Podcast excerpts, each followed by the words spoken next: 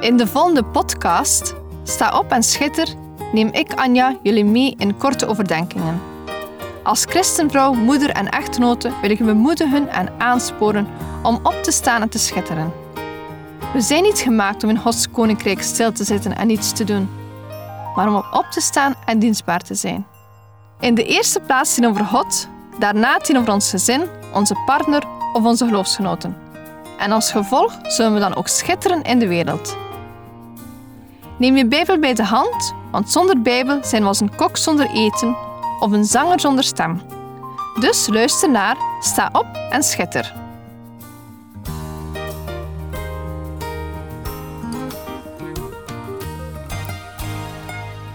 Vandaag gaan we een kijkje nemen in de Psalmen, het liedboek voor Gods volk. Paulus roept in Efeziërs 5, vers 19 op om psalmen, lofliederen en geestelijke liederen te zingen. Ik hou van moderne christelijke muziek en de psalmen voelen voor mij soms ouderwets aan. Maar ik moet toegeven dat de woorden die in de psalmen staan soms door merg en been gaan. De Bijbel spreekt over drie vormen van zang, namelijk psalmen, lofliederen en geestelijke liederen. We worden opgeroepen om God te eren met zang. Paulus raadt het niet alleen aan in Efeziërs, maar ook in Colossensen. Ik denk dat het goed is om Paulus' advies ter harte te nemen. Laten we lezen in Colossensen 3, vers 16.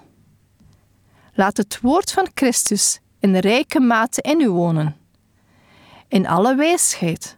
Onderwijs elkaar en wees elkaar terecht met psalmen, lofzangen en geestelijke liederen. Zing voor de Heere met dank in uw hart. Een opdracht ook voor ons. Laat het woord van God in je wonen. Als alles goed gaat, hebben we een woning waar we in verblijven. Waar we wonen, hebben we onze vaste verblijfplaats. Daar gaan we iedere dag met elkaar om. Zo ook met het woord. Daar moeten we niet af en toe over denken. Nee, het moet net als uw woonplaats zijn. Je bent er iedere dag, je verlangt er steeds naar. Je hebt er jouw vaste plaats en bent er heel eigen mee. Een echt thuis. Zo hoort het ook te zijn met het woord van Christus. Als het woord in ons woont, zullen we als gevolg ook vol wijsheid zijn. Als we dan vol wijsheid zijn, zal het ook zelfsprekend zijn dat we elkaar onderwijzen en terechtwijzen. Ik weet niet hoe het met jullie zit, maar iemand onderwijzen, daar heb ik geen enkel probleem mee. Maar terechtwijzen, dat is weer moeilijker. En zeker als je nog eens leest hoe je dit moet doen. Met psalmen, lofzangen en geestelijke liederen. Een vreemde manier om terecht te wijzen, vind je niet? Ik ben er verder beginnen over nadenken. Ik lees Psalm 46 en vraag me af: wat als ik dat zou zingen in de kerk? Dan had ik alles in één keer: onderwijs, terechtwijzing en God loven. En zijn veel psalmen niet gericht om harten te veranderen en God groot te maken? Laten we Psalm 46 eens lezen vanaf vers 2 tot en met 12. God is onze toevlucht en kracht. Hij is in hoge mate een hulp gebleken in benauwdheden. Daarom zullen we niet bevreesd zijn, al veranderde de aarde van plaats en werden de bergen verzet naar het hart van de zeeën. Laat haar water bruisen, laat het schuimen. Laat de bergen beven door haar onstuimigheid. De bekens van de rivier verblijden de stad van God, het heiligdom, de woning van de Allerhoogste. God is in haar midden, zij zal niet wankelen. God zal haar helpen bij het aanbreken van de morgen. De heidenvolken tierden, de koninkrijken wankelden. Hij liet zijn stem klinken de aarde smolt weg. De Heere van de legermachten is met ons. De God van Jacob is voor ons een veilige vesting. Kom, zie de daden van de Heere, die verwoestingen op de aarde aanricht, die de oorlog doet ophouden tot aan de einde der aarde. De boog breekt en de speer in stukken slaat, de waans met vuur verbrandt. Geef het op en weet dat ik God ben. Ik zal geroemd worden onder de heidenvolken. Ik zal geroemd worden op de aarde. De Heere van de legermachten is met ons. De God van Jacob is voor ons een veilige vesting. Wat een mooie psalm. Kennen we onze vaste burcht, onze toevlucht. Psalm 46 begint met de wijze woorden: God is onze toevlucht en kracht. Hij is in hoge mate hulp gebleken in benauwdheden. Daarom zullen we niet bevreesd zijn. Waar vlucht je heen als het leven moeilijk gaat? Naar welke waarheden ga je zoeken? Ik heb altijd van Psalm 46 gehouden. Het is een zeer bekende psalm en wordt ook in veel kerken gezongen. Het is een psalm die ons kan helpen om rust te vinden in God.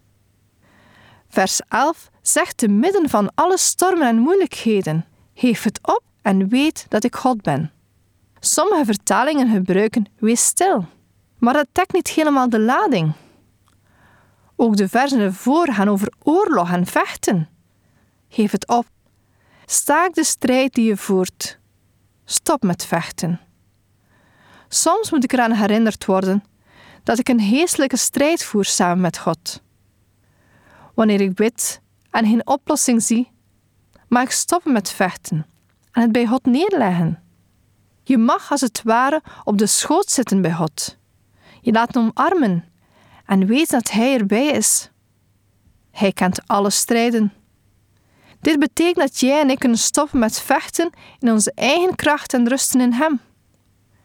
In deze psalm is er sprake van verschillende soorten geweld: natuur, politiek en militair geweld. Wat een onzekere toekomst gaf. Een beetje te vergelijken met onze tijd. En ook wij mogen weten dat God boven alle macht op aarde is.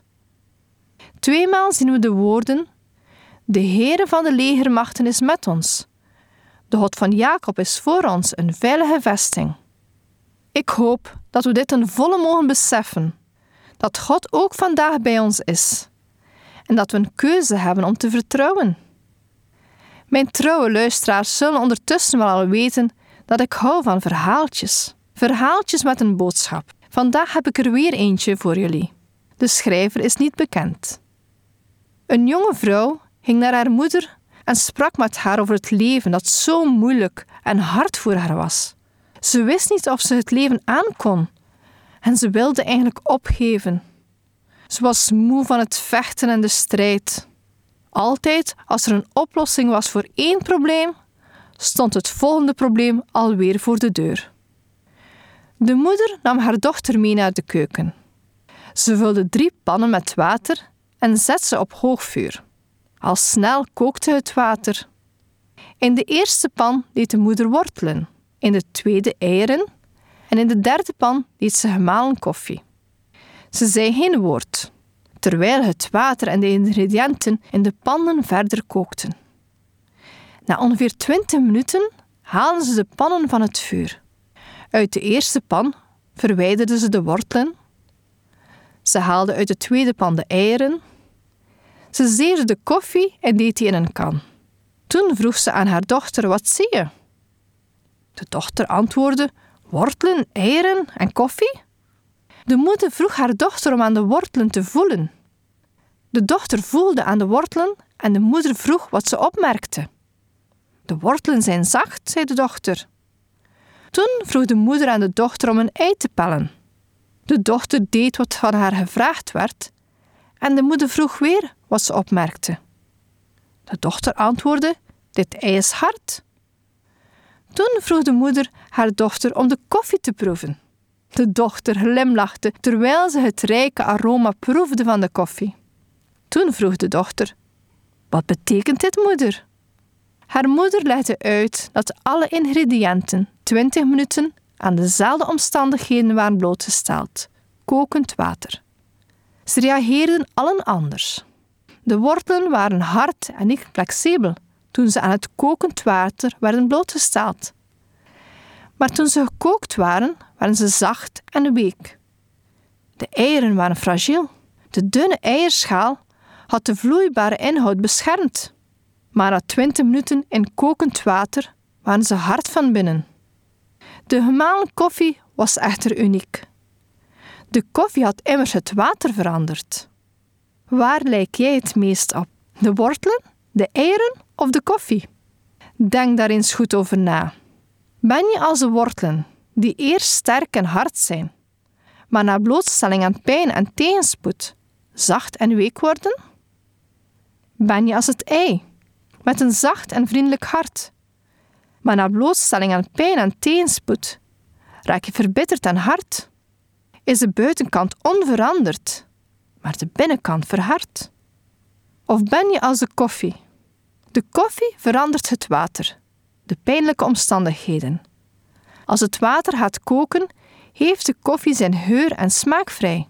Als je bent zoals de koffie, word je beter als omstandigheden slechter worden. Je verandert de situatie. Hoe ga je met tegenspoed om? Reageer je als de wortel, het ei of de koffie? Misschien is een van de grote lessen van deze tijd wel dat we ons moeten realiseren dat wij mensen zijn en God God is. Hij is onze toevlucht, onze sterkte, onze helper. Zorg dat iedere situatie je een beter mens maakt en verander de wereld door koffie te zijn en deze rijkelijk uit te delen. Deze podcast kun je steeds opnieuw beluisteren via de website en app van twr.be. Als je deze aflevering leuk vond en je wilt de podcast helpen ondersteunen, deel hem dan met anderen. Heb je gebed nodig of wil je reageren op deze uitzending? Zend dan gerust een mailtje naar anja.twr.be. Bedankt voor het luisteren.